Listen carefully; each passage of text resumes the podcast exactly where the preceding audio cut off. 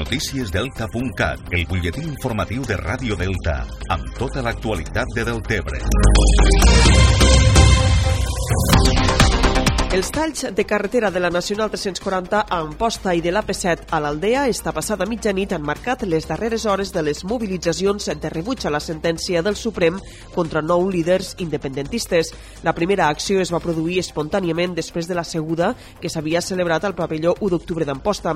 Unes 200 persones van tallar la Nacional 340 en els dos sentits i van situar diverses línies d'espelmes davant dels vehicles aturats.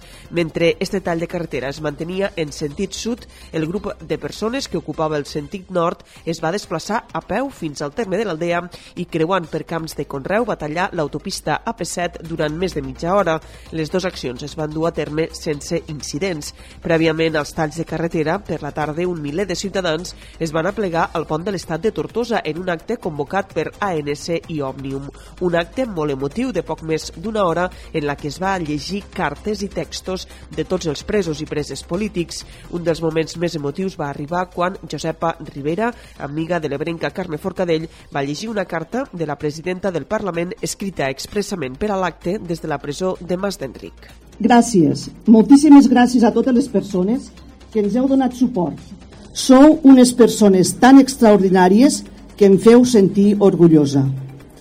Ara, després de quatre mesos de judici i de quatre mesos d'espera, ha sortit la sentència Sempre hem dit que la única sentència justa seria l'absolució, però sabíem que no ens absoldrien, perquè el nostre judici ha estat un judici polític que ha de servir d'escarment perquè ningú gosi qüestionar la unitat d'Espanya.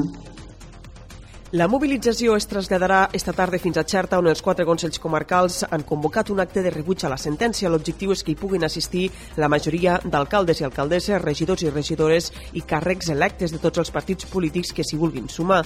L'acte es farà al casal municipal de Xerta, poble de l'expresidenta Carme Forcadell i comptarà amb la lectura del manifest a càrrec d'Ignasi Blanc i tancarà l'acte el president del Parlament, Roger Torrent. L'Ajuntament de Deltebre ha convocat per esta nit a les 9 un ple extraordinari per aprovar la moció de resposta a la sentència del Tribunal Suprem, una moció que rebutja la condemna per sedició i demana l'absolució i amnistia dels líders independentistes. Esta moció forma part de la resposta que el món municipal català donarà a la sentència a través de l'Associació Catalana de Municipis i l'Associació de Municipis per la Independència, que també han demanat aturar l'activitat institucional dels ajuntaments almenys fins avui dimecres i després de reunir-se amb el president de la Generalitat, Quim Torra, preparen un acte amb els alcaldes i alcaldesses del país al Palau de la Generalitat el pròxim 26 d'octubre.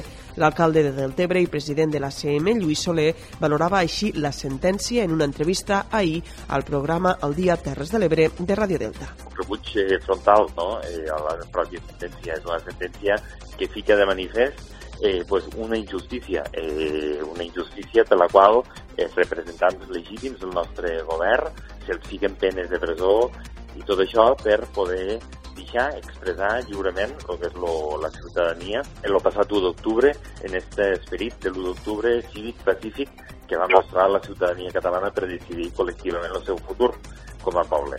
Per tant, doncs, un rebuig eh, i, un, i en aquest cas una indignació, una consternació a lo que seria aquesta sentència Seguidament, al ple de rebuig a la sentència del Tribunal Suprem hi haurà el ple ordinari del mes d'octubre a l'Ajuntament de Deltebre. El ple aprovarà la liquidació definitiva de contribucions especials dels carrers Sapinya, Antoni Gaudí i Verge de Montserrat. A més, també hi ha previst resoldre les al·legacions del Reglament de Participació Ciutadana. De les quatre mocions presentades per Esquerra Republicana, finalment només passaran pel ple del mes d'octubre la moció que insta les companyies elèctriques a retirar les línies aèries de mitja i alta tensió que passen pel nucli urbà de Deltebre. Això és tot el que us expliquem per ara. Ja saben que poden continuar informats als butlletins horaris de Ràdio Delta.